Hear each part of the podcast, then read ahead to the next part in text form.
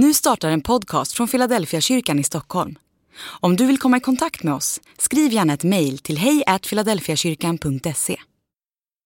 Dag 45. Det är snabba kast i Jesus samtal med kvinnan. I ena meningen talar de om fem män som hon haft relationer med och i nästa mening talar de om tillbedjan. På ett andetag rör sig samtalet mellan det erotiska och det andliga. Vad har erotik med andlighet att göra? Finns det kopplingar eller är det bara en slump? Både erotik och andlighet handlar om att ge sig hän, helt och fullt. Varför rör dessa båda områden vid varandra? I grunden handlar det om att människan är skapad för att tillbe eller ge sig hän.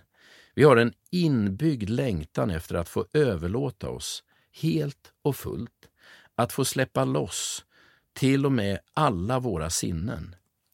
Finns det en hänförelse utan bitter eftersmak? Kvinnans alla relationer var förmodligen kopplade till smärtsamma upplevelser. Att gå från famn till famn i längtan att bli sedd som den man är och sen bli övergiven eller utslängd lämnar djupa sår i själen.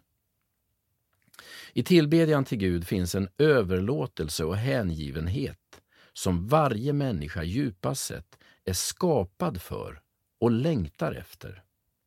Det är en hänförelse som lämnar efter sig en tillfredsställelse och tacksamhet utan bitter eftersmak. Andlig övning.